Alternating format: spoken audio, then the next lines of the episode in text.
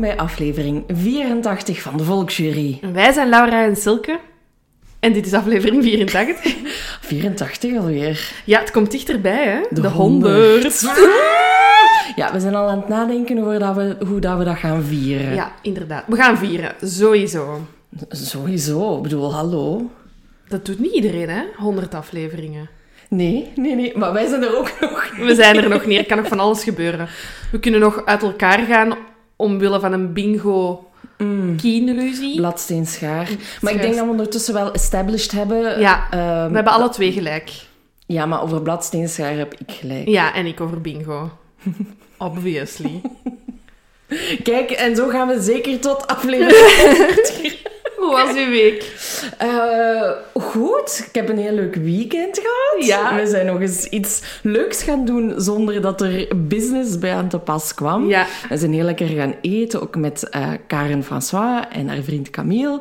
En ehm, ja, was, was, was heel gezellig. En dan de volgende dag hebben we elkaar weer gezien, Ja. alsof we elkaar nog niet genoemd Ja, inderdaad. eh, voor, de, voor de verjaardag van een vriendin. Dus dat was eigenlijk echt zo nog eens gewoon dat we elkaar zagen zonder eh, de volksjury-toestanden. Ja. Ik zei het zondag tegen Lucas van...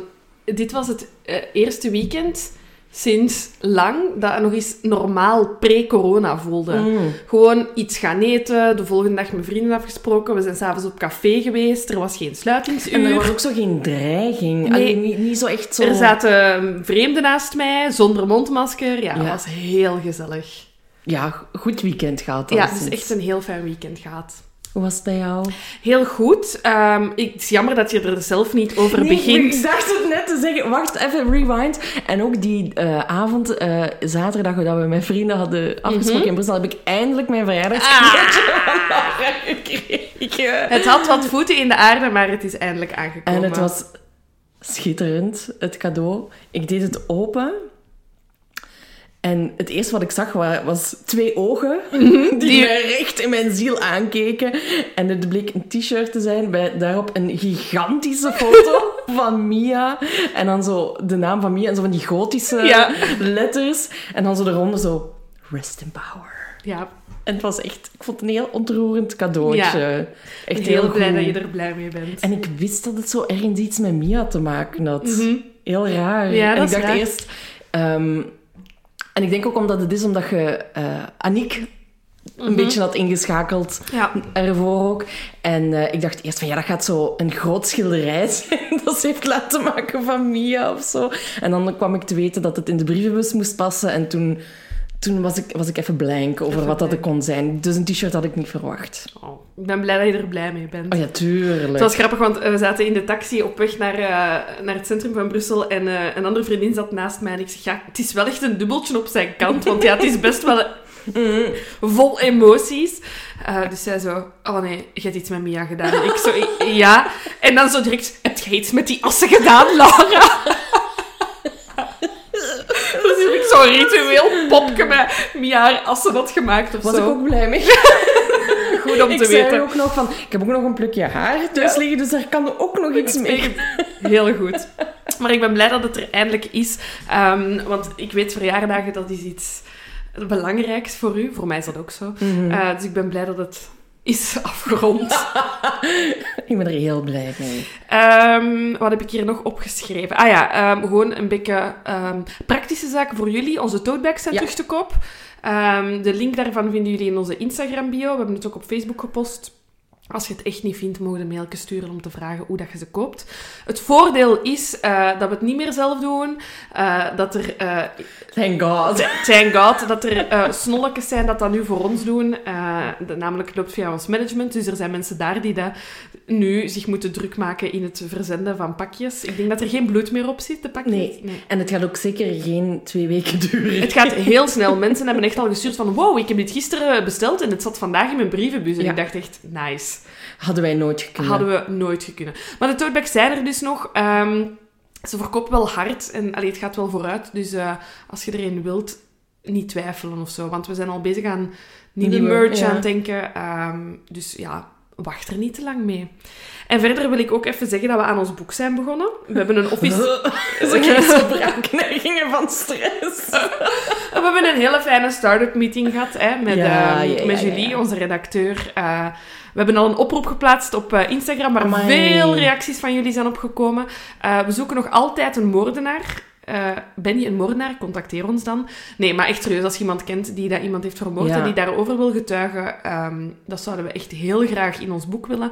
En verder zoeken we ook nog ehm, mensen die eh, een moordenaar in de familie hebben. Eh, en liefst zo dicht mogelijk een broer, een zus, een mama, een papa. Ja, Dat soort zaken. Dus die twee profielen zoeken we nog van al de rest. Ik heb het gevoel dat alle cipiers van België naar ons luisteren, want die hebben ons allemaal gestuurd. Ehm, dus ja, daar zijn we aan begonnen. We hebben ook al de kleur van de koffer gekozen. inderdaad. Gaan we nog even voor ons houden. Gaan we nog even voor ons houden, maar ja, het is wel... Het is wel cool. Het is wel Het is van mooi. start gegaan. Ja, Ja, ja, ja, ja, ja. Dus het is voor eh, ergens in november, eh, als wij al onze deadlines halen. Ehm, Dus we hebben iets meer tijd nu. Iets meer tijd en eh, hopelijk gaan jullie er even hard van genieten als van het eerste boek. Ehm, en dan heb ik nog een kijktip. Allee, een kijktip, nee, dat is niet waar.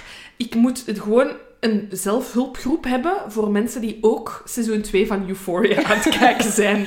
Eh, want deze week is de laatste aflevering verschenen en... What a ride. Oh my god, echt. Als je het nog niet hebt gekeken, eh, in België kan je het kijken op streams. Ik weet niet waar dat je het in, Ne- in Nederland kan zien, maar dit is echt... En ik weet dat ik dat om de zes maanden zeg, maar het is echt, dit is echt de beste reeks ooit gemaakt. Ja, ik ben er dus aan begonnen. Ja. En ik vond het zo intens. het is intens, is het de juiste En woord. ik kon me er niet aan zetten om zo... Om verder te kijken. Ik moet het echt verder kijken, maar Mhm. het is zodanig... Ik moet in de, in de juiste mindset Snap ik. zijn om... Ja. eh, ik, kon, het- ik kon het even niet aan. Ja, snap ik. Maar Want de aflevering... heel, heel, heel goed en heel mooi. Ja. In beeld gebracht ook. Ja, En Aniek is ook vol een bak aan het kijken. Ik denk dat ze ook net de laatste aflevering heeft gezien Ja. ervan. Dus ja, ik ga ook terug opnieuw kijken. ja, je moet het zien. Het is gewoon... Ik, ik, ik ben echt onder de indruk van alles. Die jonge mensen die zo goed kunnen acteren. Eh, het script, alle, allee, alles klopt gewoon. Het is Mhm. zo cool. Ik vraag mij gewoon af, zijn er mensen die naar ons luisteren die tiener kinderen hebben en, en Euphoria kijken? Want dan wil ik weten hoe jij slaapt s'nachts. Ja, Want want dit is, dit geen fuck. serie voor... Ik bedoel, het is toch meer zo...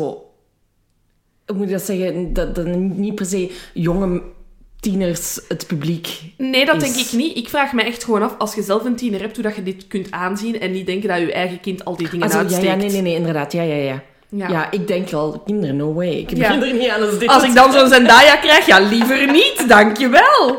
Nee, inderdaad. Nee, maar het is echt, ehm, ja, echt chapeau. En ik ben echt ook blij dat we mee zijn op het... Allee, dat het verschijnt als het in Amerika verschijnt. Dus echt nergens spoilers en zo. Ik ben echt...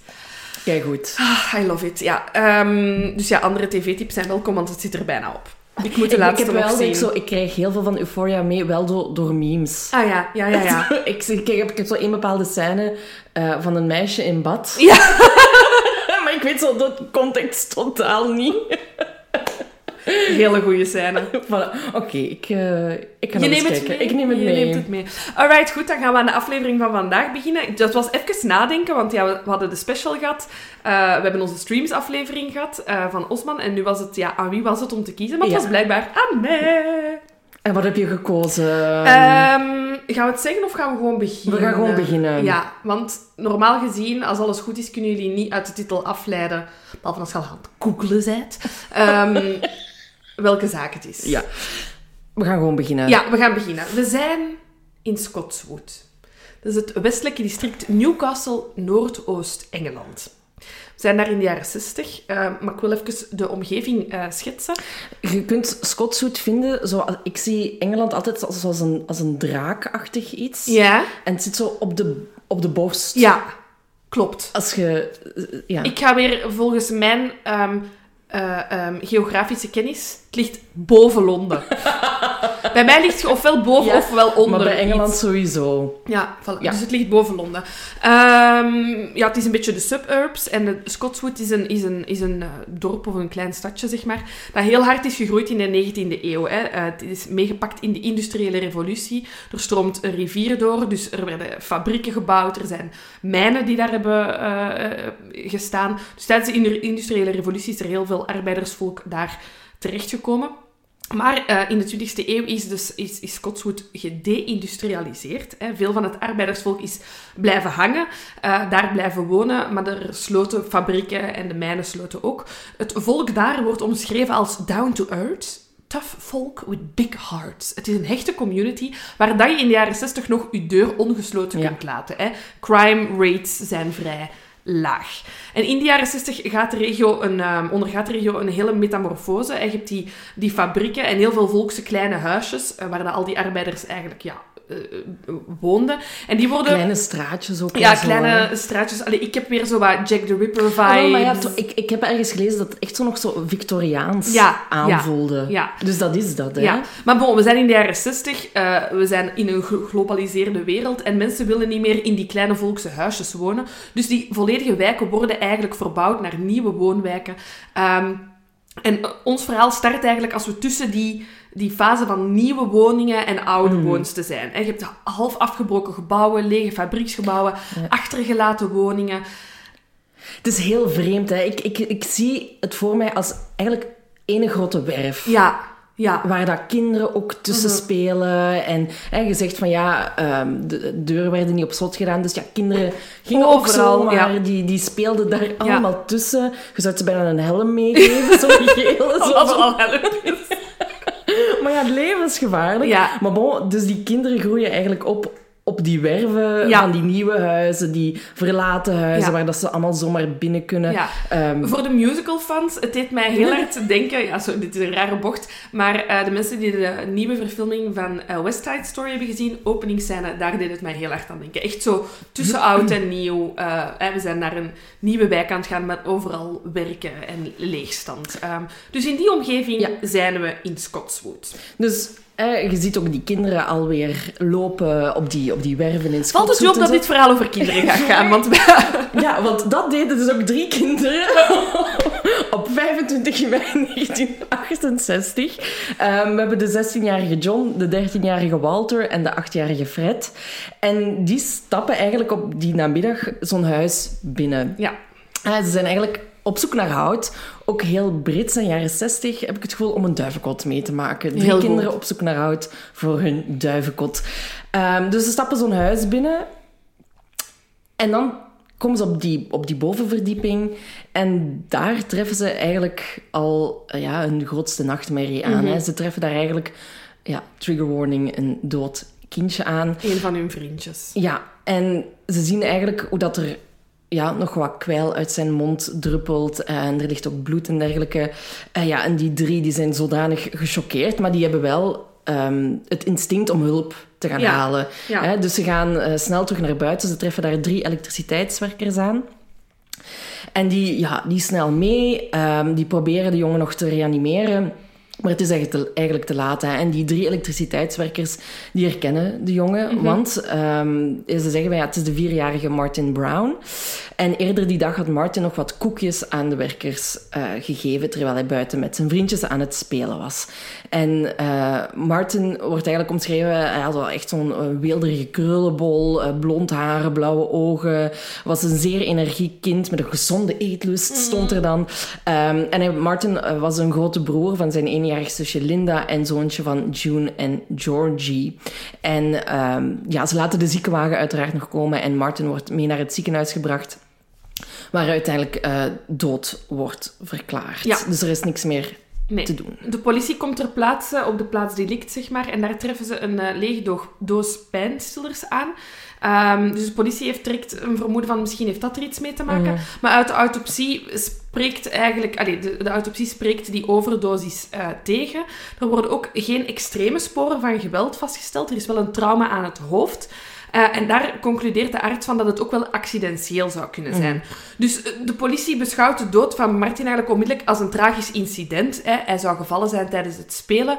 En dat is wat dat er eh, gebeurt in die omgeving. Hè. Ik bedoel, het is, dat is één grote werf. Kinderen lopen daar rond dit is een tragisch accident. Um, case closed. Case, case closed. En de omgeving reageert daar natuurlijk wel heel geschokt op. Er wordt een waken gehouden. En de bevolking van Newcastle is gaan betogen tegen die achtergelaten wijken. En die hebben van, kom aan jongens, dit moet sneller. Die werven moeten worden ofwel afgebroken ofwel nieuwe woningen op worden gezet. Maar dit mag niet elke keer gebeuren als een kind hier speelt in zijn ja, speeltuin, zeg maar. Absoluut, ja. Ehm, dus daar komt wel wat reactie tegen. Maar de zaak van, van Martin wordt onmiddellijk eh, afgesloten.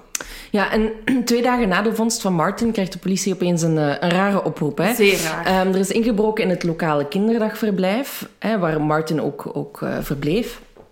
En eh, boeken zijn kapotgescheurd, er is overal inkt eh, opgesmeerd, eh, alle bureaus zijn omvergeduwd.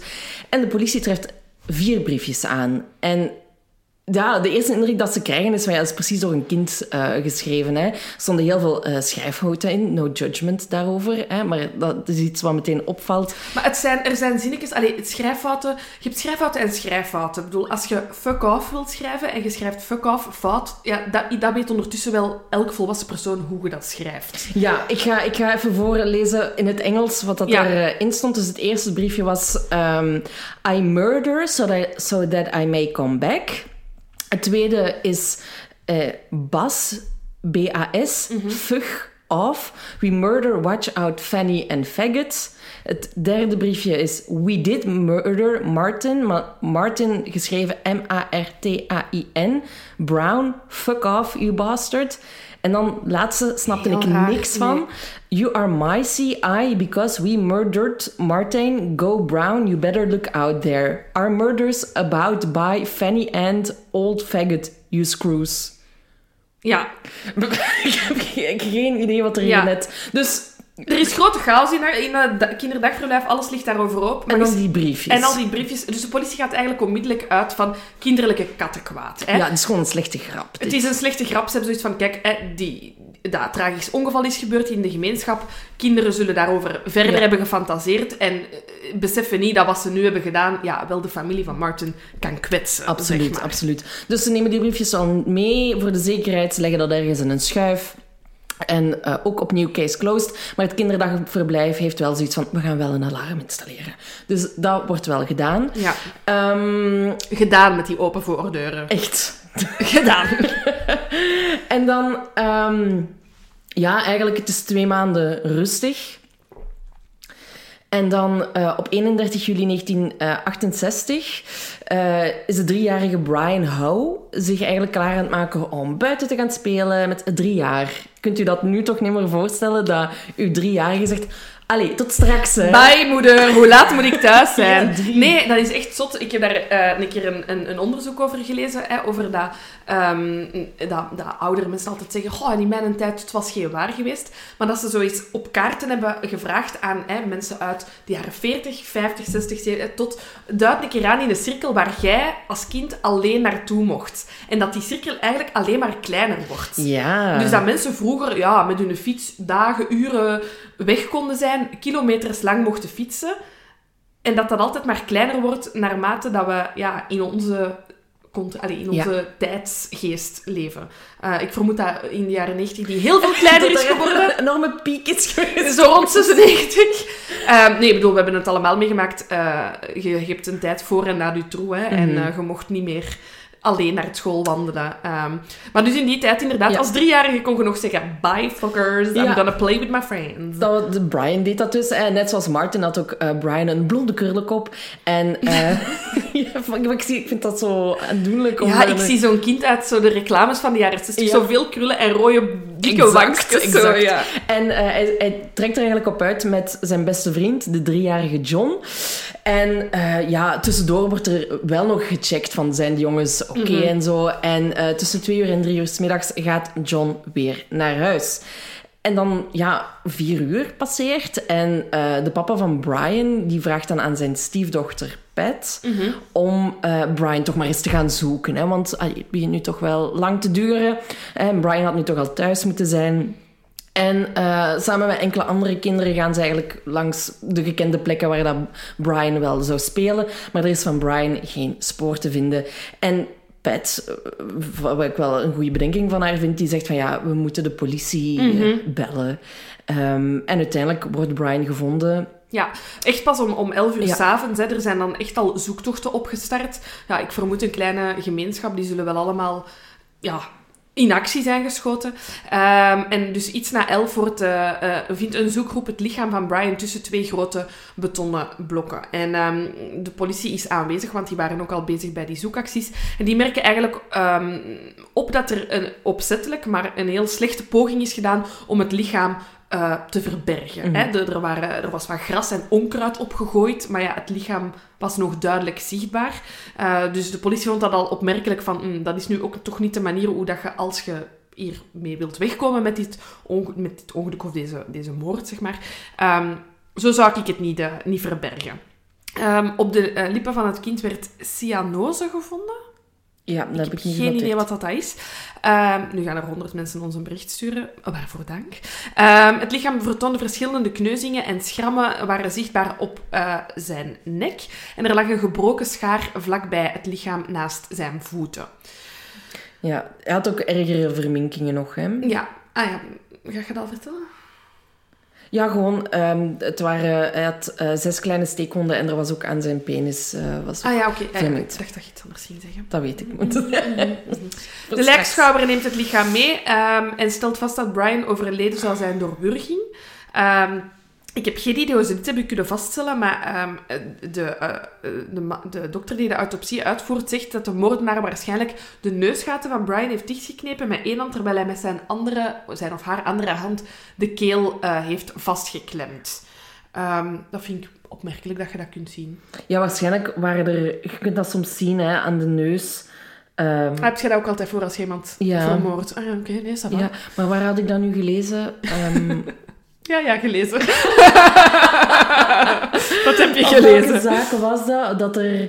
Ah ja, dat was bij de tiramisu-moord. Ah ja? Dat die... Um, eh, omdat er ook twijfel was over hoe dat Ja. er iemand vermoord was. Uh, hoe dat die vrouw vermoord was. Um, en ze hadden... Ze denken dus dat ze... Uh, gesmodderd is, is Ja. geweest. Uh, maar ze konden dat niet concreet vaststellen. Maar ze hadden wel stofjes gevonden in haar neus. Ah. En dat bleek van een kussen te zijn. Zo, dus misschien dat er...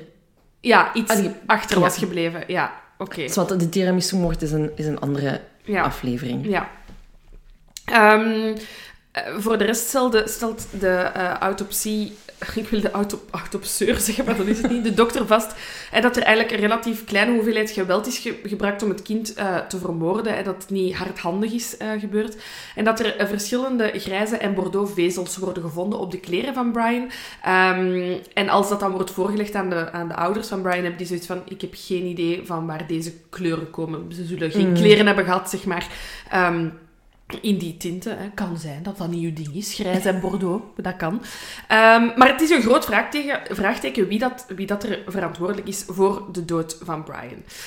Um, het zet natuurlijk wel een en ander ingang, want het is duidelijk dat Brian met geweld om het leven is gebracht. Dus er wordt een heel grote klopjacht opgesteld. Um, er zijn meer dan 100 rechercheurs uit het hele gebied op het onderzoek gezet. Dus ze nemen het wel best serieus. En zo zouden er op 2 augustus, dus net na de vondst van het lichaam van Brian, 1200 kinderen ondervraagd geweest zijn. Met, Ja. wat, met hun whereabouts, In de zeg eerste maar. 24 uur, hè. Ja, maar ook dat is- 1200 kinderen is echt veel. Ja, in die tijd. Maar, in hoe onder, maar nee, maar in hoe ondervraag je 1200 Ah, kinderen? ze hebben een vragenlijst opgesteld, hè. Mhm. En eh, daarmee zijn ze eigenlijk gewoon echt rondgegaan, bij huizen zijn gaan Van aankloppen. deur tot deur, koekoe. Ja, inderdaad. Ja. Van, eh, en dan zat er wel een inspecteur bij, of, eh, Mhm. of, een, of eh, met de ouders ook.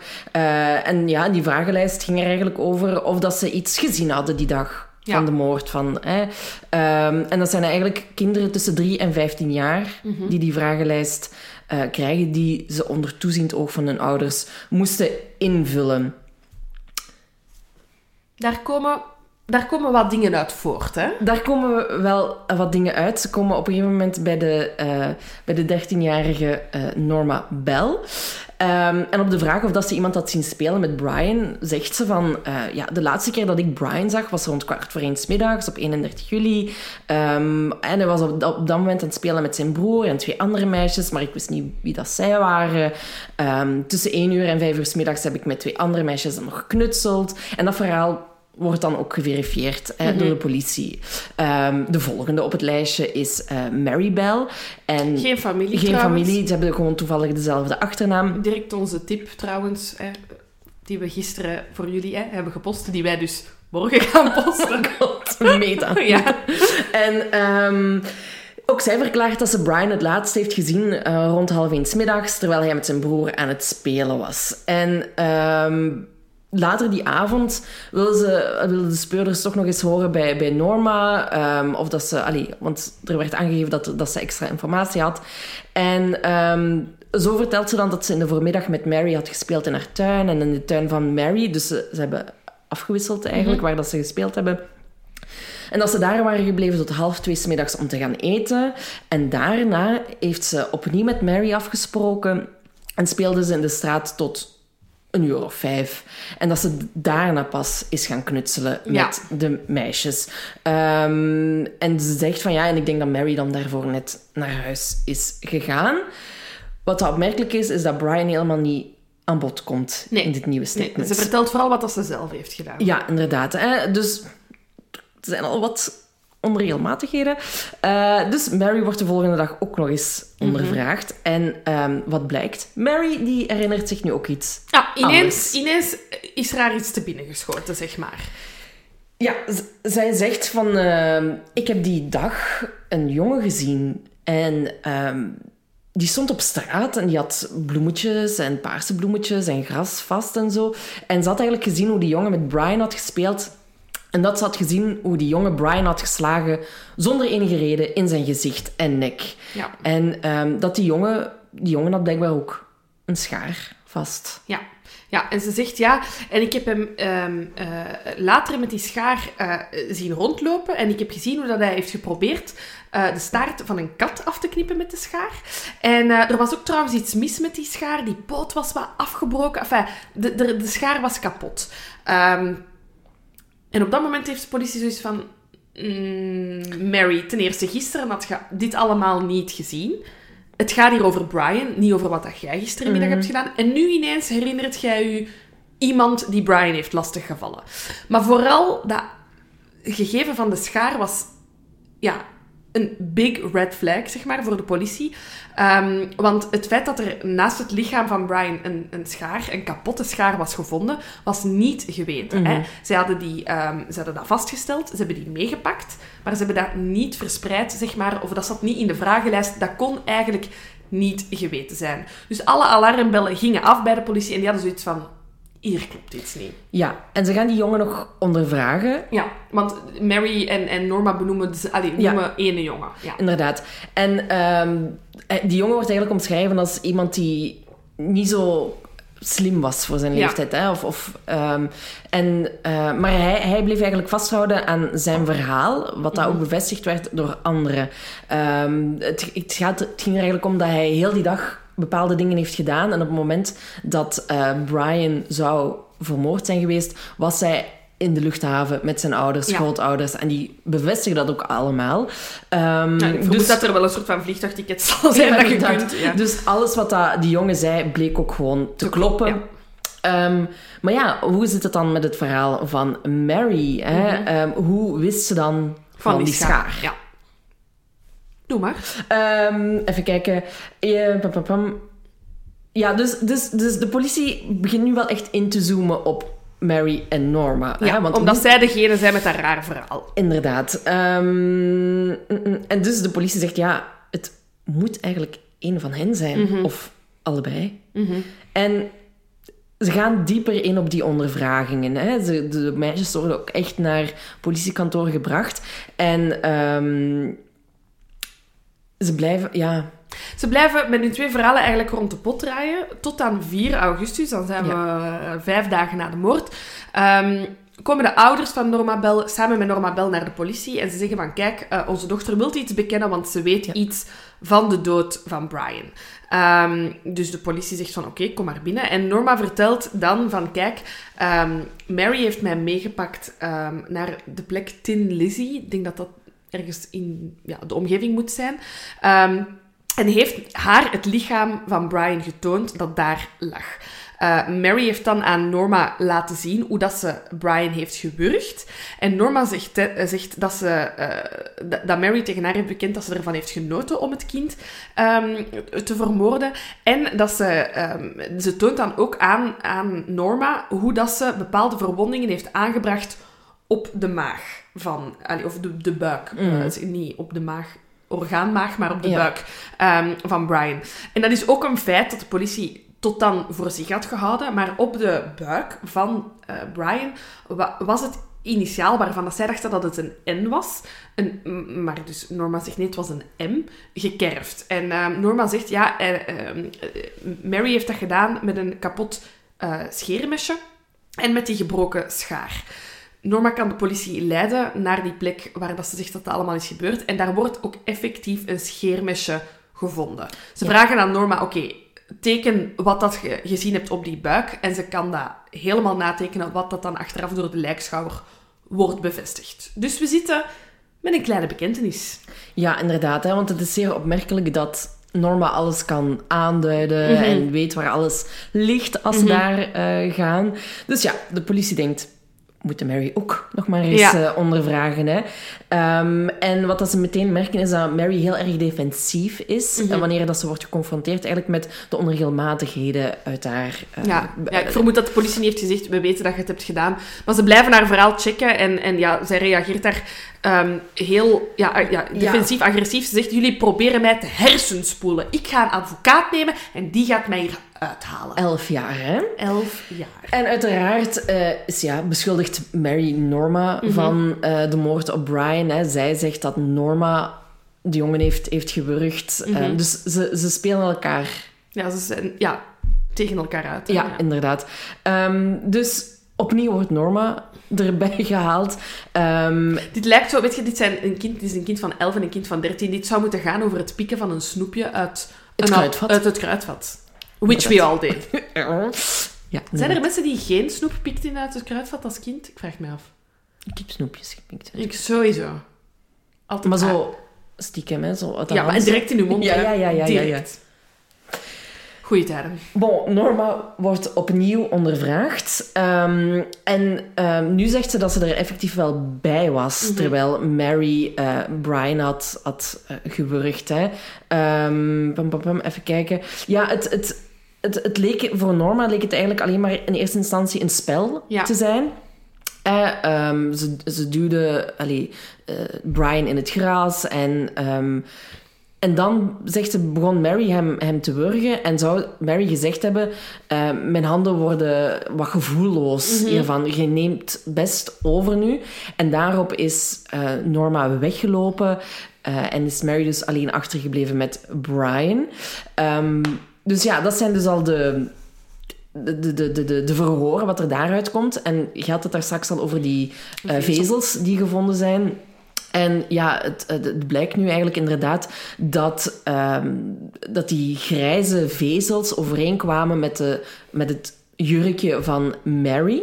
En dat de bordeaux gekleurde eh, vezels overeenkwamen met de schoenen van Norma.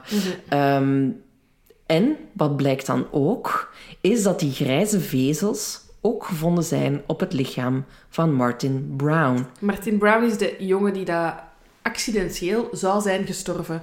Ehm, begin mei was dat. Ja, dus wat blijkt? Dus Mary eh, heeft de dag voor haar elfde verjaardag Martin Brown ook gewurgd. Ja.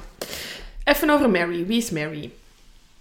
Wie is Mary? Inderdaad. Hè? dat gaan we doen? Dat of gaan of we doen. iets anders doen? Nee, nee, nee. We gaan eerst deze doen. Prima. Mary Bell ehm, wordt geboren op 26 mei 1957 als Mary Flora Bell in Newcastle. Ze is de dochter van Elizabeth, ehm, roepnaam Betty Bell. En eh, Betty is dan 17 jaar oud. Eh, Mary's vader is Billy Bell. Ik heb tussen haakjes geschreven, goede criminaam. En hij kan het ook gebruiken. En hij kan het ook gebruiken, want hij is gekend omwille van kleine misdrijven en grote drankproblemen. Ja. Billy was de wettelijke vader, maar of dat hij ook biologisch de vader was, daar is twijfel over, omdat Betty en Billy pas zijn getrouwd na de geboorte van Mary. Ehm, het gezinnetje woont in een woning in White House Road. Uh, en dat is later om, omschreven door de politie als niet echt de uh, home sweet home omgeving waar dat je kinderen wilt uh, opvoeden. De kinderen, want er zijn na Mary nog kinderen geboren, die werden te slapen gelegd in de kolenkelder, terwijl dat er vrienden en kennissen van de ouders in de kamers boven mochten blijven crashen. dus ja, lijkt me niet echt een super omgeving nee. om in op te groeien. Um, Mary was het oudste kind en toen dat Betty van haar in verwachting was, was ze ook niet vol van verwachting van wat dat er met haar kind uh, ging gebeuren. Um, tijdens de zwangerschap ja, had ze het er heel moeilijk mee. En als uh, Mary eenmaal is geboren, ja, is ze niet op de best mogelijke manier opgevoed, zeg maar. Nee, nee, wat al snel eigenlijk duidelijk werd, is dat Betty, Betty heel erg depressief was, had last van mood swings, was zeer onvoorspelbaar. En ze heeft zich eigenlijk ook meerdere malen willen ontdoen van Mary. Mm hè. Um, zowel door haar te willen afstaan, mm -hmm. als door haar ook te willen doden. Mm -hmm. Ze heeft haar willen verdrinken in bad. Ze heeft haar eens een overdosis slaappillen uh, gegeven. Uh, maar Betty liet haar uh, pillen ook heel vaak gewoon rondslingeren, waardoor dat Mary die ook vaak gewoon zo innam, omdat ze dacht dat het snoepjes, snoepjes waren. Ja. Ze is meerdere malen in het ziekenhuis daarmee beland, omdat ze dat had opgegeten. Um, dus bon, dat is al niet goed. Um, en Betty heeft ook heel vaak geprobeerd om Mary af te staan. Maar Mary werd ook altijd teruggegeven. Mm -hmm. uh, zo wilde Betty Mary ook uh, weggeven aan een vrouw die naar Australië zou verhuizen. Maar toen Betty's zus Isa daarvan hoorde, heeft die de adoptie eigenlijk gestopt. Mm -hmm. um, en een andere keer heeft de, de, de tante van Mary voorgesteld om haar te adopteren. Um, nadat de twee andere kinderen van Betty ook weer zo'n overdosis hadden gehad. Dat ze dacht van, ik haal Mary weg. Maar op dat moment weigerde Betty dat. Mm -hmm. Dus dat is heel erg contradictorisch. Het ene moment wil ze van Mary af. Het andere moment wil ze haar toch houden.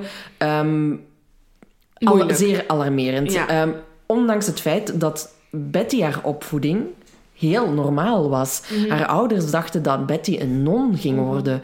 Um, voor zover de ouders natuurlijk weten van wat dat er achter... Wat dat je echt wilt wat dat je echt, En wat dat je ook echt allemaal aan het doen bent. Mm -hmm. Hoe erg zit je op de hoogte van wat dat je kind uh, doet. Maar op een gegeven moment is uh, Betty haar vader gestorven. En zou er toen iets veranderd zijn geweest, waardoor dat ze meer afstand is beginnen nemen van haar familie en excentrieker werd. Ja. Um, en dan is er ook nog het feit dat toen Mary vijf was, uh, Betty eigenlijk als sekswerker is beginnen werken. Um, ja, omdat de situatie waarin dat ze leefde eigenlijk zeer hard was. Hè. Het was een zeer schrijnende situatie waarin dat ze leefde, mm -hmm. hè, de mhm. omgeving waarin dat ze woonde. Ja, het, was niet, het, het, het, het, is niet dat we hier in een rijke suburb zitten. Absoluut niet. De, um, we weten dat ja, Bill, de vader van de kinderen, ja, ook niet echt de allerbeste hij was er ook nooit, hè? Hij was er nooit. Um, ja, hij, hij, zat wel in het criminele milieu. Wat ik opvallend vond, is um, dat um, uh, Betty als sekswerker vaak naar Glasgow trok. Maar dat ze dan enkele dagen verbleef ja, om haar uh, job uit te voeren, zeg maar. Maar ik heb dat eens bezien. Glasgow is meer dan drie uur rijden, hè? Dat is 250 kilometer. Crazy. Dus die was meerdere dagen weg. weg. Ja. Om de zoveel tijd, eigenlijk. Ja. Hè? Dus die was minder thuis dan dat ze uh, in ja. Glasgow zat. Maar op een gegeven moment bracht ze ook mannen mee naar huis. Ja. En Betty stond er blijkbaar om gekend dat haar specialiteit tussen aanhalingstekens SM was. Mm -hmm. um, en dat ze dat eigenlijk gewoon voor de ogen van haar kinderen deed. Wat dat heel erg confronterend wel moet geweest Tuurlijk, zijn. we, zijn hier, we spreken over Mary is op dat moment vijf jaar oud. Hè? Exact. Dan denk ik dat dat heel moeilijk is om dat te plaatsen wat dat er aan het gebeuren is Inderdaad. Um, en volgens ver verklaringen die Mary later heeft gedaan, zou ze er zelfs aan deel hebben moeten nemen. Ja, ja. Dus zeer schrijnende situaties. De broer en de zussen van Mary zeggen wel dat zij er nooit iets van gemerkt hebben. Ja, ja, ja. Ja, er wordt ook... Uh, over Mary dan verteld, eh, ik vermoed ja, door, door de mensen die haar hebben zien opgroeien, dat het een heel raar kind was. Dat ze nooit huilde, amper emoties toonde. Um, dat mensen ook zeiden van, ja, we wisten wel van die overdosis, hè, of die per ongeluk ingenomen medicatie. Maar of dat, dat er iets mee te maken heeft, dat weten we niet. Ja, pakt van wel. Ik bedoel, mm -hmm. dat, is een, dat is een opgroeiend kind. Dat is een, een brein in ontwikkeling. Dat wel, zal niet goed inderdaad zijn. dat ze misschien ook hersenschade ja. daardoor zou hebben, hebben opgelopen. Hè. Ja. Um, maar het zou er ook mee kunnen maken hebben gehad dat toen ze vijf jaar Ja. was, ook gezien heeft hoe dat er een kindje is aangereden geweest door een bus en dat daarbij gestorven is. ehm, en dat ze daarbij eigenlijk een posttraumatische stressstoornis eh, door heeft ontwikkeld. Ja, En dat ze daardoor eigenlijk ook heel erg moeilijk vond om ja, een band te creëren met andere kinderen.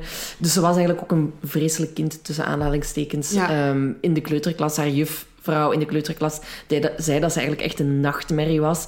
Mary, Mary knijpte, sloeg en wurgde andere kinderen. Ehm, en wat ik opvallend vond, Mary had donkere haren en felblauwe ogen. Mhm. En ja, kinderen waren echt doodsbang van haar als Mary hen in de ogen staarde. ja. Onze tweede bel, zeg maar, is Nori, Norma Jane Bell. Daar heb ik niet zoveel info over. Nee, Uh, ze is twee jaar ouder dan Mary. Uh, er is bij haar een laag IQ vastgesteld. Um, en qua karakter uh, omschrijven mensen haar eerder als volgzaam. Um, en in de vriendschap tussen die twee zou zij inderdaad eerder de volger zijn en Mary de leider. Um, maar Ze was heel erg beïnvloedbaar ook daardoor. Ja, Ja, ja. Maar over haar thuissituatie heb ik niet zoveel info gevonden. Nee. Oké. Dat weten we dus. Dat zijn eigenlijk onze twee hoofdrolspelers die naar elkaar wijzen uh, wat betreft uh, zeker de moord op Brian en, en ja, dan ook de eerste uh, Martin. moord um, op Martin. Um, en en in, het, in het dorp, zeg maar, gaan ze nu zo... Met de feiten die ze weten, kijken ze naar bepaalde zaken op een andere manier. Hè? En er zijn wel al een paar red flagsjes dat eigenlijk hadden gepland kunnen worden, die dat zijn genegeerd en die zullen we nu even overlopen. Ja. Een eerste incident uh, dat zich voordoet is ook in... Uh, we zijn eigenlijk altijd in het jaar 68, dus uh, ja, de maanden voor de moorden, zeg maar. In mei 68 uh, nemen Mary en Norma de kleine John, hij is drie jaar oud, mee um, op een namiddagje spelen om snoep te gaan kopen. Uh, en enige tijd later wordt John helemaal alleen, helemaal in de war, vol bloed en met verwondingen aangetroffen vlak bij de pub van het dorp. En Norma en, Mary, Norma en Mary beweren dat ze enkel met John hebben gespeeld en dat hun wegen daarna gescheiden zijn. En dat ze ook maar hebben gehoord dat hij in de war was en verwond, uh, verwond was. John echter vertelt dat Mary en Norma hem wel degelijk hebben aangevallen en dat dat ook niet de eerste keer is en dat die twee dat regelmatig deden bij andere jongere kinderen. Um, we weten het niet... Allee, er is zeker geen aangifte van gedaan bij de politie, maar ik vermoed dat Mary en Norma misschien een kleine uitbrander hebben gekregen, maar voor de rest is dit feit eigenlijk geparkeerd geweest door de gemeenschap. Ja, en ook door, door de politie zie ik hier toch staan, Ah, hoor. Um, dat, er, dat er toch politie was, was bijgehaald. Um, en dat ze er ook wel bij zitten van... Eh, Mary kan wel gewelddadig uit de hoek komen. Maar omdat ze zo jong waren, hebben ze inderdaad gewoon een uitbrander gekregen. Ja, ja. En uh, ja, met alle gevolgen van die Ja. eigenlijk. Hè. Ja, in diezelfde maand um, komen, komt de mama, of, of, achteraf vertelt de mama dat in die, van Pauline, daarover gaat het, uh, vertelt dat in diezelfde maand er ook een incident is geweest met Norma en Mary en haar dochter Pauline. Haar zevenjarige dochter zou door Mary gewurgd geweest zijn in de zandbak na een ruzie. Um, ja, het kind heeft het wel overleefd, uh, maar... Um, er wordt over verteld dat daar ook Mary het, ja, de keel eigenlijk van Pauline dichtkneep totdat haar ogen rood werden. Jesus Christ. Ja, uh, en ook daar zal er wel een kleine straf zijn geweest, maar ja, er is verder geen actie ondernomen eigenlijk. Ja. Um, ja. En, er, en, en, en er komen eigenlijk nog rare details naar boven. Als ja, het ineens gaat... beginnen mensen ja. te beseffen van, hm, er is toch wel...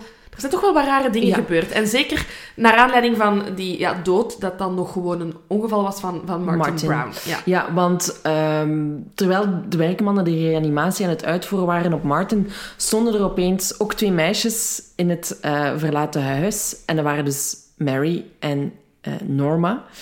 En ja, die waren zo heel erg gefascineerd door wat, wat er daar aan gebeuren was. ja. En die werkmannen hebben Mary en Norma zo van... Allee, wat doen jullie hier? Hè? Ga maar Ja. snel weg. Dus nu valt hun frank natuurlijk. Hè? Want zij wilden eigenlijk gewoon zien... Wat, er aan het gebeuren was, er- want zij hadden Ja. gezien wat er gebeurd was. Exact. En vervolgens zijn de meisjes, eh, Mary en Norma, naar het huis van de tante van Martin Mhm. gelopen, Rita Finlay. En zeiden ze van ja, een neefje van u heeft net een ongeval gehad. Eh, we denken dat het Martin is, maar we kunnen het niet zeker zeggen, want hij hangt vol bloed. Kunt u het u voorstellen dat er opeens twee jonge meisjes dat nu doorstaan. Nou ja, dat en, op, alleen al. en hè. op dat moment denk je, ah, dat is lief, die willen mij Ja. helpen. Die willen ons op tijd verwittigen. Mhm. Dus dat wordt enorm geapprecieerd op dat moment. Zij het niet dat dat waarschijnlijk de moordenaars van dat kind zijn. Exact. En ehm, net voor de begrafenis van Martin hebben eh, ja, Norma en Mary een soort van eh waarheid durven of doen eh, gespeeld. Waarbij dat dan de uitdaging was dat ze eigenlijk naar het huis van de moeder van Martin moesten gaan, June. En dat ze eigenlijk vroegen van ja, we willen Martin zien. En June heeft daarop geantwoord van ja, dat gaat niet, want ja, hij is overleden, dus je kunt hem niet zien. Waarop Mary heeft gezegd van ja, ik weet dat hij dood is, eh, maar ik wil hem zien in zijn doodskist. En achteraf gezien natuurlijk is dat Fucked up. fucked up. Maar ook, ook toen. Ja, want dan kun je het nog wijten aan, aan de leeftijd. Van ja, ze is elf en ze zal misschien niet weten hoe dat een begrafenis werkt. Of dat als iemand sterft, dat die dan niet in huis meer is. Maar nu, achteraf gezien, Ja, is het gewoon een moordenaar die wilt kijken naar wat dat ze haar heeft gedaan. Ja. Naar een soort van trofee. Ehm, en dan blijkt ook bij de moord van Brian... ehm, we hadden gezegd, van, er zijn hele, zoek, hele zoektochten opgestart, maar Pat is eerst nog met eh, een aantal kinderen op zoek gegaan naar haar broertje. En dat bleken dan ook Mary en Norma te zijn, die zich vrijwillig hadden aangeboden om te helpen zoeken. Dat hoort je toch ook echt vaak, hè? Dat een moordenaar zo bij Ja. begrafenissen of zoektochten of, Of de crime scene aanwezig is. Dat is raar, hè? Ja. Heel raar. Wow, fast forward terug naar het moment van ja, de aha-erlevenis zeg maar, van de politie, waarop dat ze beseffen dat Mary en Norma de twee zijn die ze moeten hebben. En ze hebben wel wat gevoel voor drama, heb ik de indruk, hè, de politie daar van Scotswood. Want ze hebben zoiets van, oké, hè, 7 augustus 68 en Brian wordt begraven. Daar gaat heel veel volk op afkomen. Ehm, politie is daar ook aanwezig op die begrafenis waar meer dan 200 mensen zijn. Eh, en de politie ziet Mary Bell buiten staan eh, na de begrafenisstoet. En de politie verklaart daar later over van ja, we zagen Mary Bell daar lachen en in haar handen wrijven. En op dat moment dacht ik, mijn god, ik moet daar inrekenen, anders zal ze nog eens toeslaan. En dus beslist de politie om na de begrafenis van Brian om 8 uur s'avonds avonds Mary en Norma officieel te arresteren. Mary antwoordt daarop, prima voor mij, is goed. En Norma barst in tranen uit en eh, verkondigt dat ze eh, daarvoor iemand betaald zal zetten. En eh, het is in aanwezigheid van dan onafhankelijke getuigen dat Mary een schriftelijke verklaring heeft opgesteld waarin dat ze toegeeft dat ze aanwezig was bij de moord van Brian, maar ze blijft volhouden dat die moord door Norma is gepleegd. En Norma doet ongetwijfeld hetzelfde Ehm, maar dan in de omgekeerde richting. Dat zij misschien wel aanwezig was bij de moord van Brian, maar dat ze dat niet zelf heeft gedaan en dat het ehm, Mary is dat de moord heeft gepleegd. Ze geven dan ook toe Ja. dat ze hebben ingebroken ehm, in het kinderdagverblijf en dat zij die eh, vier handgeschreven notities hebben geschreven. Ja, want wat bleek, hè, in die briefjes stonden de namen Fanny en Faggot. En dat bleken eigenlijk de alter ego's te zijn van de meisjes, die, die ze zichzelf hadden gegeven. Als een soort van, ze zagen zichzelf als criminelen en maakten hun eigen verhaal, omdat ze wilden weglopen. En Dus een van die twee heeft zichzelf het, een scheldwoord als naam gegeven. ik veronderstel dat dat dan Norma zal geweest zijn. Oké. En Fanny is toch ook zo'n alternatief woord voor een. Ja, kan. Ik denk het. Heel raar. Heel raar. Kort na hun arrestatie worden de meisjes psychologisch geëvalueerd. Eh, ja, dat lijkt mij wel nodig. Ehm, en daar, eh, daar, vandaar komt dan inderdaad eh, die onthulling dat Norma in- intellectueel ja, vertraagd was, schrijven ze. Dat ze een onderdanig karakter heeft, onderdanig karakter heeft en heel makkelijk haar emoties eh, toonde, terwijl Mary het omgekeerde was. Heel slim, heel sluw, ehm, vatbaar voor stemmingswisselingen. ehm, maar dat ze ja, heel defensief was en eh, eh, net haar emoties voor zichzelf hield. Ehm, de vier psychiaters die Mary hebben onderzocht kwamen tot de conclusie dat ze niet aan een psychische stoornis leidt, maar wel psycho, eh, dat ze wel psychopathische persoonlijkheidsstoornissen, ken, kenmerken van een psychopathische persoonlijkheid ehm, heeft.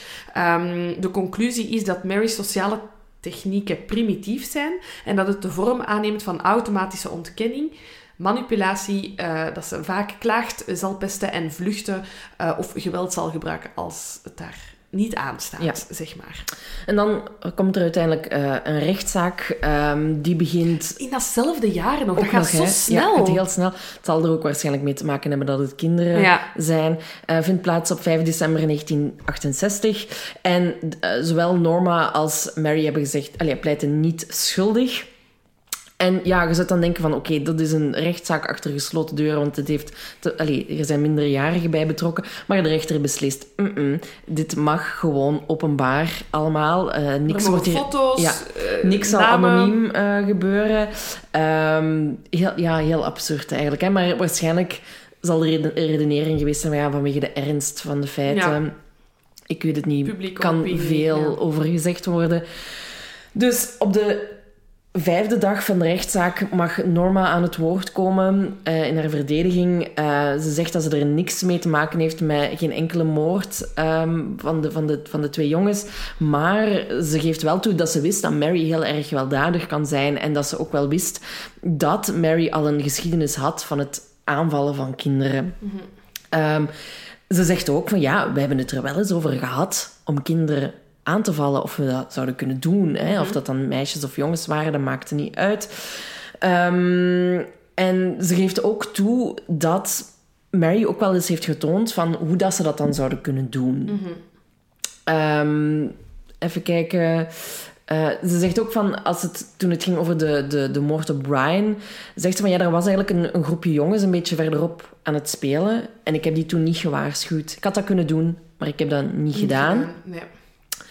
Ehm, en ze zegt, uiteindelijk komt, erop, komt het erop neer dat zij verklaart dat zij de kinderen nooit heeft aangeraakt. Nee, dat ze die niet heeft aangeraakt. Ehm, en daarbij komt natuurlijk ja, dat ze zich een beetje kan verschuilen achter dat volgzaam karakter dat ze heeft. eh, waardoor dat zij eigenlijk, ja... Ik kan aangeven van, ja, ik, ik, ik, ik ben erin meegesleurd, maar ik heb zelf geen vinger uitgestoken.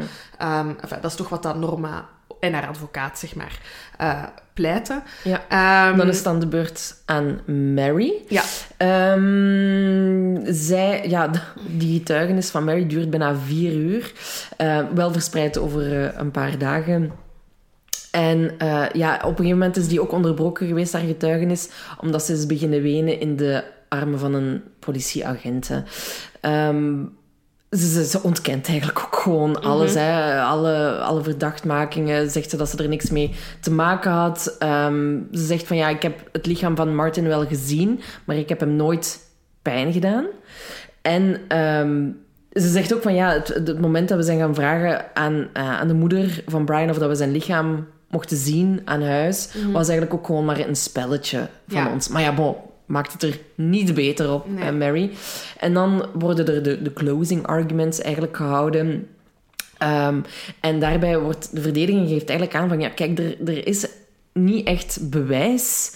ehm, als het gaat over Norma, dat zij er ook effectief aan deelgenomen heeft. Hè, bij, ehm, wacht, hè, even kijken. Mm, mm.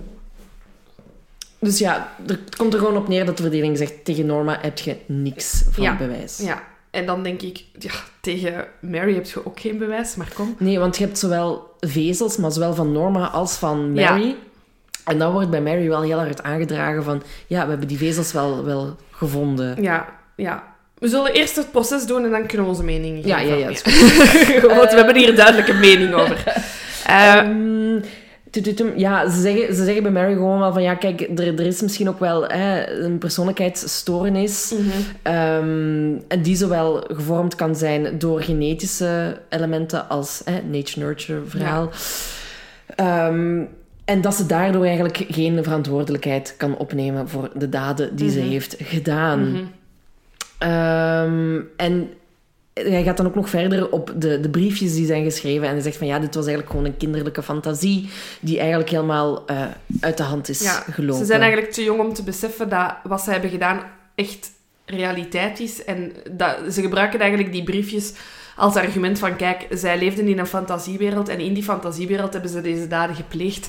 Maar ehm, ja, in de, de real life hebben ze niet door wat, wat de gevolgen daarvan eh, zijn. Het hele proces gaat uiteindelijk negen dagen duren. En op 17 december beslist, allez, moet de jury eh, zich terugtrekken om een oordeel te overwegen. Drie uur en 25 minuten Mm. later komen ze buiten, dus we weten wat dat betekent. Er gaat iemand worden veroordeeld. Ehm, en Mary Bell wordt vrijgesproken op moord, Nee. maar... Ah ja, sorry, excuseer, ik dacht... Ah, sorry. dat is boete doen, dat is boete doen. Jij moet mij vijf flessen van u. Mary Bell wordt vrijgesproken van moord, maar ze wordt veroordeeld voor doodslag op beide jongens op grond van verminderde verantwoordelijkheid. Dat begrijp ik niet zo goed. Ik vermoed dat het geen moord is, omdat ze nog zo... Allee, op, dat ze die, vermi- ja, dat die verminderde, verminderde verantwoordelijkheid gaat over dat het doodslag is geworden en niet moord. Ja, omdat ze er waarschijnlijk nog te jong voor is om Ja. te beseffen wat dat ze gedaan Ja. heeft. Ja, en Norma wordt volledig vrijgesproken van alle aanklachten. Ehm, en bij het horen van het juryverdict is eh, Norma blij naar handen beginnen klappen, terwijl Mary in tranen uitbarstte en haar moeder en grootmoeder ook huilden. Zullen we de aftermath voor straks houden en nu even over dit, deze uitslag spreken? Uw mening daarover? Mijn mening Of daarover. heb je geen mening? Ik heb een heel harde mening Ja, daarover. doe maar. Ja, what the fuck, waarom is die Norma Ah, vrijgesproken? ja.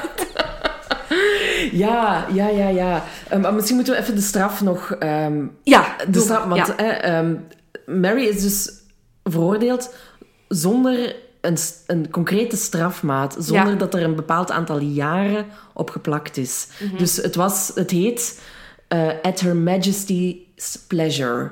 Dus, De queen kan beslissen wanneer ze vrijkomt. en Norma mocht gewoon naar huis. Ja.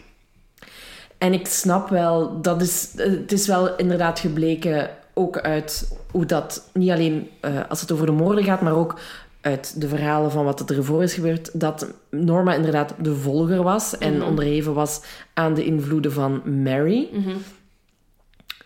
Maar er, dat moet toch ook op, eh, opgevolgd worden?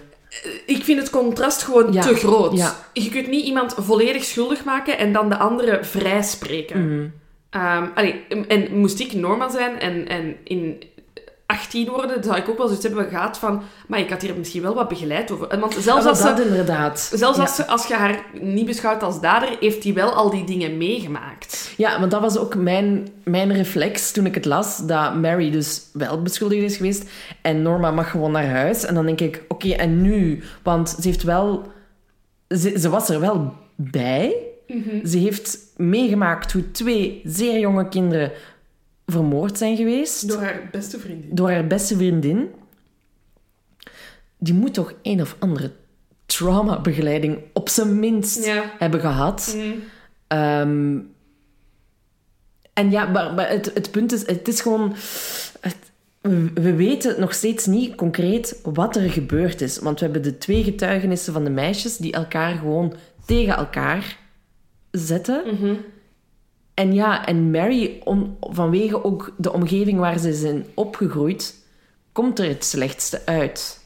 Ik, ik, dit, dit, allee, want dit is echt... Ik vermoed dat hier echt studenten psychologie deze zaak echt krijgen op hun examen voor nature, nurture. En dan argumenteer Mm. hoe.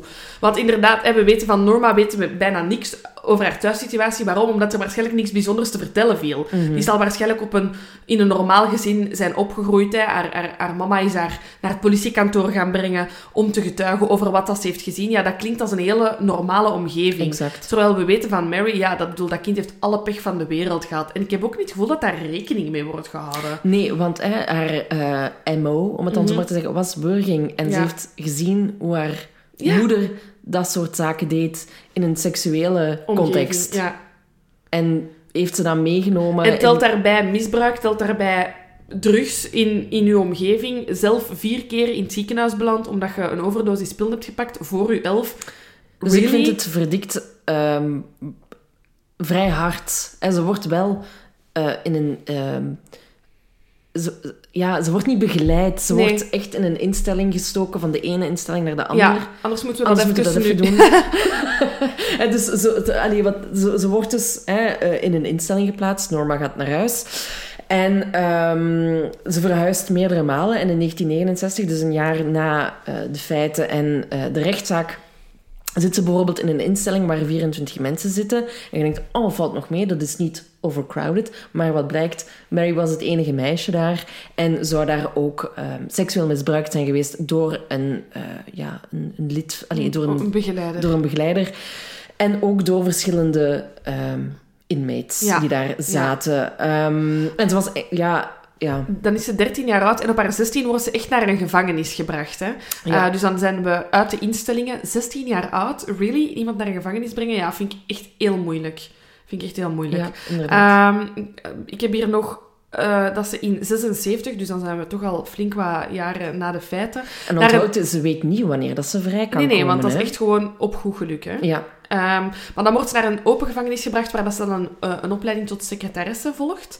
En 15 maand later, in september 77, staat overal in alle kranten ehm, dat zij samen met een, eh, een andere celgenoot, eh, Annette Priest, eh, kort zijn ontsnapt uit die open gevangenis. Ze zouden enkele dagen ja, on the loose zijn geweest. Ze hebben verschillende dagen doorgebracht op hotel. Ze zijn ja, plezier gaan living the good life. ja, living the good life, inderdaad. Ehm, en dan worden ze ja, kort daarna terug gearresteerd. Ik wil even zeggen, die open gevangenis, dat is eigenlijk, ja, je zat daar, de, de supervision is minimaal, hè. Dus Ja. er is ook geen, er is, er is ook geen prikkeldraad bij wijze van Nee, spreken. nee, dus- kunt, kunt er eigenlijk... Ik zie dat altijd zo'n beetje als een ziekenhuis of zo, waar, dat je, waar dat van alles gaande is en jij zit daar wel in behandeling, maar als jij buiten wandelt...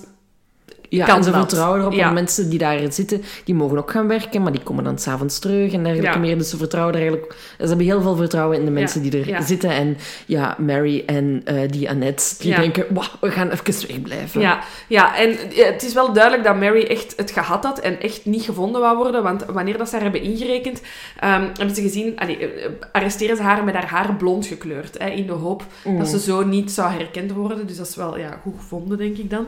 Ehm, maar eh, ja, helaas worden ze dan, ja, voor hen helaas worden ze dan terug ingerekend. Ehm, en dan heb ik hier in november 79 ehm, is eh, Mary aan de slag gegaan als secretaresse. Eh, ze diende ook op in een café, wel nog altijd onder begeleiding en op voorbereiding op een eventuele vrijlating. En dat is dan in mei 1980 en ze is dan 23 jaar oud. Ze heeft dan 11,5 jaar vastgezeten. En er wordt haar dan beloofd, op het moment dat ze vrij wordt gelaten, dat ze anon- een anoniem leven kan starten. Wat betekent, ze, kan, eh, ze wordt naar ergens gebracht waar dat ze niemand kent, eh, mag een leven starten met een nieuwe naam, ja, om eigenlijk in veiligheid op te groeien. Want in heel Engeland weet wie Mary Bell is. Kijk, wat dat ik goed vind hieraan voor de tijdsgeest, en ik vergelijk het met de Verenigde Staten, ze is vrij en ze heeft begeleiding gehad. Terwijl er nu nog steeds schrijnende verhalen zijn uit de Verenigde Staten, waarbij tienjarige kinderen die een moord hebben gepleegd, voor de rest van hun leven vastzitten. Absoluut. Dus in dat opzicht, voor de jaren 60 en 70, Sava. ik bedoel, vooral als ik kijk naar hoe dat de laatste jaren zijn geweest, ze heeft een opleiding kunnen hebben. ja. Die eerste jaren moeten ook voor haar verschrikkelijk zijn ja. geweest. Ehm, maar het kind was elf. Ja. En ja, dat is verschrikkelijk wat daar gebeurd is. Ehm, Kunt u natuurlijk de vraag stellen, eh, wat was er van haar leven gebeurd als ze in haar gezin was gebleven? Mary, als de moord niet was gebeurd. ah ja, zo ja, ja. Ze had ook een verschrikkelijke jeugd. Allee, ze, ze, ze had al een verschrikkelijke, verschrikkelijke kindertijd gehad binnen dat gezin. ehm, waar ik van overtuigd ben dat haar daden een gevolg zijn van de dingen die dat ze rond Mhm. daar heeft gezien. Ehm, ja, ze is, is- ik weet niet of ze een opleiding had gehad en aan het werk was geraakt als ze in dat gezin was blijven leven, zeg maar. Als ze haar hadden vrijgesproken. Ja, het en was ze- sowieso schrijnend Ja, geweest. ja, ja. Toch eh, gebeuren er nog wel wat spannende dingen eigenlijk. Hè? Want vier jaar nadat ze is vrijgelaten, geeft ze op 25 mei, dus een dag voor haar eigen verjaardag, ehm, eh, eh, eh, geeft, ik zie het in het Engels staan, gives birth, maar dus eh, bevalt ze van een eh, dochter. Eh, dit zou haar enige eh, kind zijn. Ehm, en eh, dat, dat kind wordt eigenlijk ook in die anonimiteitsclausule opgenomen. En dat eh, zou eigenlijk... Dat meisje zou nooit hebben geweten wat haar moeder heeft gedaan, totdat in 1998 journalisten erachter zijn gekomen waar Mary op dat moment met haar dochter leefde. Ehm, en ze hebben eigenlijk haar uit die, anoni- uit die anonimiteit getrokken.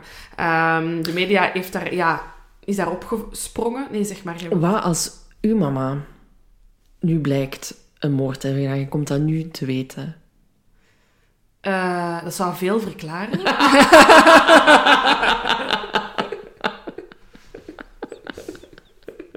oh, en ze luistert zo graag, mamatje. Ehm, moeilijk. Ik, vind, ik ben, want dat is echt een, eh, een werkpuntje van mij. Ik veroordeel mensen heel snel voor feiten die ze hebben gepleegd. Mhm. Ik ben heel judgmental op dat vlak. En ik, ik, Wa- Maar wat, wat als uw mama nu op 11-jarige leeftijd zoiets, een, een Mary Bell was geweest? ja, dat zou ik heel moeilijk vinden. Ik, om, om u maar in te beelden hoe dat Ja. het voor haar dochter moet, ja, moet geweest zijn. dat is één ding, dat ik het te weten kom, maar dat heel Engeland weet waar dat je zit. En weet wie jij nu bent. En weet... Wat uw moeder gedaan Ja. heeft. Vind ik heel moeilijk. Ik vind, ik vind dit is voor mij een, eh, een, journalistieke grens die wordt overschreden. Eh, het is één ding om uit te zoeken als roddelpers waar dat hij zit. Maar ik bedoel, die heeft een kind die ook een anoniem leven was opgestart. Leave Mary alone. Ja, absoluut. Allee, ze, ze heeft er het recht op. Hè. Het is vastgelegd dat ze recht heeft op die Ja. anonimiteit. Maar ook hier treedt de overheid eigenlijk wel direct goed in actie, want ze wordt naar een safe house gebracht en er wordt weer een nieuwe identiteit Mhm. eh, voor de beide ehm, vrouwen gezo- allee, gezocht, eh, zeg maar.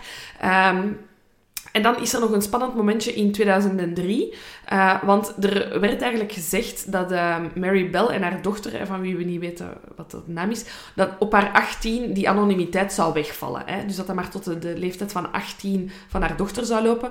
Maar in 2000, mei 2003, eh, Mary heeft dat dan aangevochten in, eh, voor het gerecht. En ze heeft dan kunnen ehm, laten vastleggen dat die anonimiteit voor de rest van hun leven zou zijn.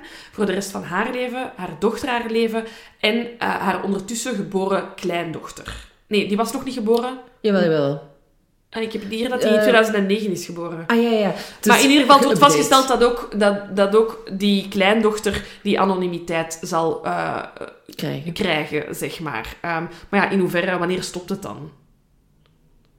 Snap je, dat kind is uit 2009. Als die dan een kind krijgt, is er dan geen anonimiteit meer? Allee, waar?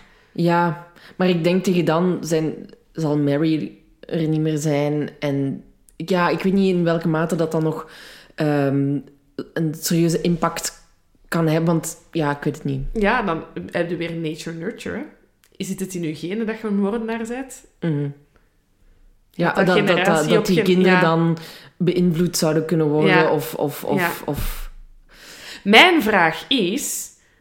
Die dochter van Mary hè, is te weten gekomen via de pers dat haar moeder een moordenaar is.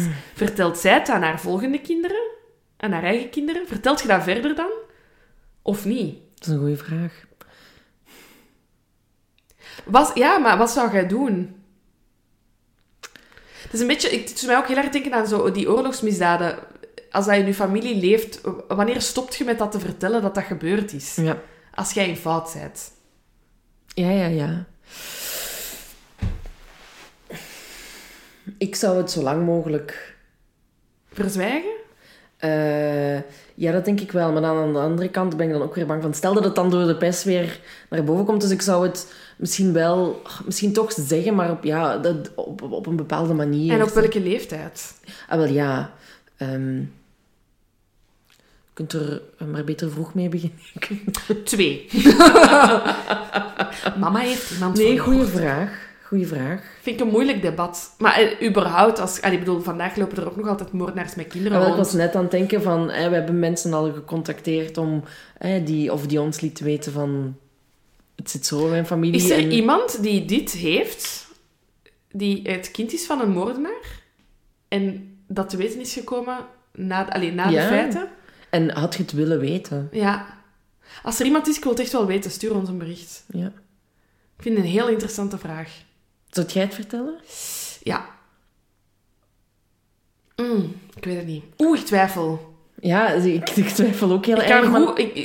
Ik, kan, ik- zo van die... Zo'n grote geheim, dat kan ik goed bewaren. Maar wilt je zo'n geheim hebben voor je kind? Ja, dat is moeilijk. Ik heb geen Want, kind. want Dus jij hebt niet de moord gedaan. Het is... Uw, eh, eh, de context van... Ah, in beide gevallen denk ik... mm, ik weet het niet. Ik vind het moeilijk. Ja, het ding is, allez, je kunt, een, een moord is natuurlijk het ergste wat dat je kunt doen, maar de stommiteiten die je in je leven hebt gedaan, ga je later ook niet tegen je kinderen vertellen. Denk ik. Er zijn echt Mhm. dingen waar, waarvan dat je zoiets hebt van... Dat zou ik liever niet hebben dat mijn kind dat Nee. weet. Of juist wel, om uit fouten te leren. Maar dat is een moeilijk debat. Ik heb, ik heb nog geen kind, dus ik zou niet weten hoe ik zou handelen in dat geval. Het verandert natuurlijk heel je relatie dat je hebt met je kind. Hè. Ja. Ehm, Maar hetzelfde gaat over een partner, hè? Ja. Stel, dat iemand, stel dat jij iemand hebt vermoord. eh, Uw naam heeft, is nooit... Dat is onmogelijk, maar... Hè, en jij leert iemand nieuw kennen. Op welk moment zegt je... By the way... Ik ben eigenlijk een veroordeeld moordenaar. Of niet veroordeeld. nog niet uitgekomen. Dan zegt ze al helemaal niks. Oh nee, Moeilijk debat. ik kom nooit dat ik in die situatie terecht Stel, Annick heeft een moord gepleegd. Wil je het weten of niet? Nee. Ik ook niet. Ik wil het Nee, niet weten. nee, Lucas, nee. als je moord hebt gepleegd, gast, hou het voor u. Maar als het nu gebeurt, dan zal ik wel helpen. Maar ik hoef niet te Nee, weten nee, wat ja, ik in inderdaad. het verleden bedoel, ik bedoel, het is een, het beetje like trouwen. Zo, snap je? Wat er voor van u was, houden bij u. Exact. Nu zijn we te samen, nu doen we het samen. Nu zijn we Exact. zo'n Bonnie en Clyde 2022. Absoluut. De nasleep nog even Ja. van eh, Mary. Hè, dus heel die anonimiteit is eh, geregeld. En dan in 1998 heeft Mary ook nog samen eh, gewerkt met auteur Gita Sereni, denk ik dat je het uitspreekt. ehm, waarin dat zij eigenlijk haar verhaal vertelt. Eh, Gita heeft een eerder boek geschreven over Mary, waar, waar, waar we alle twee informatie uit hebben gehaald. Maar er is dus in 1998 nog een boek verschenen, eh, Cries Unheard, The Story of Mary Bell. En daarin komt eigenlijk nog meer aan bod eh, wat voor misbruik Mary heeft ondergaan toen ze klein was. En ehm, er worden ook ehm, nog familie en vrienden en eh, ja, mensen met, allee, zo experts, eh, mensen met kennis eh, aan bod. Mensen met kennis. Mensen met kennis. Die komen aan bod eigenlijk, die haar hebben gekend voor, tijdens en na haar, eh, dat ze in de gevangenis heeft gezeten. En Gita heeft daar eigenlijk heel veel kritiek voor ge- gekregen, want Mary heeft een aandeel, eh allee, een deel van de opbrengst eh, gekregen. Zou je niet voor minder gast? Ja, maar de, de, de, is de- toch haar de moeder verhaal? van, van, van Martin, die zegt daarover van... Ja, Mary Bell is eigenlijk toen ze naar de gevangenis gaan gestorven voor mij. En ze heeft een nieuwe identi- identiteit gekregen en ik hoefde er verder niks meer van te horen. En door... Ik ik dacht aan haar alsof ze dood was, zegt de mama. En eigenlijk, ja, ik probeerde een goed leven te hebben en ik probeerde om haar niet te haten, et cetera, et cetera. En dan komt opeens dat boek waarin dat Mary haar verhaal mag doen en waar ze dan ook nog eens een deel van de opbrengst van krijgt. En dat is... Ik snap dat dat moeilijk ligt. Zij verdient geld op de kap van de dood van de, van de zoon. Dat snap ik, maar dat is kort door de bocht. Want bedoel, Mary heeft natuurlijk ook... Allee, als je het vanuit haar perspectief kijkt, bekijkt, is het een kind van elf dat wordt opgesloten, waarvan we niet weten of dat andere Tuurlijk. deel van die vriendschap misschien mee de moord heeft gepleegd. Voor hetzelfde geld heeft ze niks gedaan, hè Mary? Dat weet je niet, hè? Tuurlijk, tuurlijk. Allee, we weten het wel, want ze heeft gezegd dat ze... ehm, eh, in dat boek zegt ze dat ze eh, niet het gevoel heeft dat ze verkeerd is veroordeeld. Ehm, en eh, dat de, alles wat ze heeft meegemaakt in haar jeugd eh, geen excuus is om de misdaden te plegen die ze heeft gepleegd. Allee, ze blijft wel vaag over het feit of, er Mhm. of dat ze effectief de moordenaar is, maar ze zegt wel dat ze haar jeugd niet als excuus wilt gebruiken. Tuurlijk. Nee, ik snap, ik snap uw punt ook, maar ik snap ook de moeder eh, haar Als- punt. Want Als moeder van het slachtoffer je probeert het achter u te laten, je Ja. probeert verder te gaan. Je weet dat Mary in anonimiteit ergens leeft. Ja, leven en laten leven. En dat zij dan weer de publiciteit krijgt voor iets wat ehm, die moeder heel veel leed heeft bezorgd. nee, ik snap het. Ik snap de Ook twee al was kanten. het als elfjarige. Dus heel erg dubbel. Het is een beetje gelijk nu met dat boek van de zus van Britney Spears. Hè. Er is ook heel veel kritiek op. Maar dat snap ik. Zeg jij Team Britney? Ik ben zeer zeker ah, Team maar Britney. het zal wel zijn. Het zal wel zijn. In, intens. Ja, ik wil nog gewoon zeggen dat dus niemand weet waar Mary op dit moment zich bege- En dat is bevindt. goed zo, en hoe ik. dat ze heet. En dat is echt allemaal prima. Dat vind ik goed. Ze heeft haar straf uitgezeten. Ze is vrijgekomen. Laat het kind nu ook gewoon leven. Ja. Moeilijk, hè? Ik, ik, ik was... ehm, ik wou, ik wou eens... Want Silke en ik proberen altijd zo wat iets te brengen dat we nog nooit hadden gedaan. Dus ik had tegen u gezegd, ik wil eens een kindmoordenaar. Maar dat wel... Allee, je begint wel zo dingen... Elf jaar, gast. Ja, dat is het vijfde leerjaar, vijfde, Ja. zesde leerjaar. Ja. Ik was met Beyblades bezig toen. Zeker Beyblades. Zeker Pokémon-kaarten. Yu-Gi-Oh! Had je dat ook? Eh, ja, maar dan zat ik al in het middelbaar. Mm, Oké, dan. Toen was het niet meer cool om daarmee op de speelplaats te spelen. Babe, ik zou graag nog eens een Beyblade. Beyblade opentrekken. Ja. Ja. Woesh. Is dat hoe dat je dat... Woesh! Beyblade woesh! Ja, ik was grote fan van Beyblades. Echt jaloers op al die universa, universums Ja. van Pokémon en Beyblades. Maar had jij ook En diddelpapier of niet? Ik had dat, maar ik voelde dat niet. Dat was niet uw vibe. Nee. Maar ik deed dat wel, hè, want ja... Ja. Ik zat in een klas met heel veel jongens, dus ik was wel ook zo mee met alle jongens-hypes. Maar ik ben ook wel geplooid voor diddelpapier. We hebben daar echt vorig weekend nog een discussie over gehad met Marlies, de zus van Lucas, die voor het laatst haar map had teruggevonden. En mijn schoonmoeder echt zo, zie je het? Toen mogen ze wegsmijten, hè, als je zo hè, 16 Ja, ja, ja, bent en zo, oh my god, dit mag nooit gevonden. En nu zit je blij dat ik uw map nog heb, hè. en nu was ik ook zo, oh, mijn map ligt ook nog ergens. Maar waarom was dat zo'n ding? Diddelpapier. Want ook, je mocht dat papier niet gebruiken. Nee, nee, nee, nee, nee. Dat was absurd.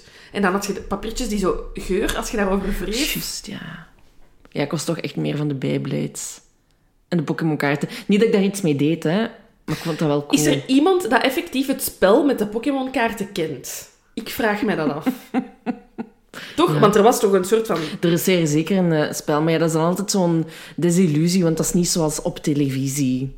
Snap je? Zo. Nee, dat is waar. Ik was ook wel echt zieke Pokémon. Maar echt. Maar echt zieke Pokémon. Ja. Oh, I love it.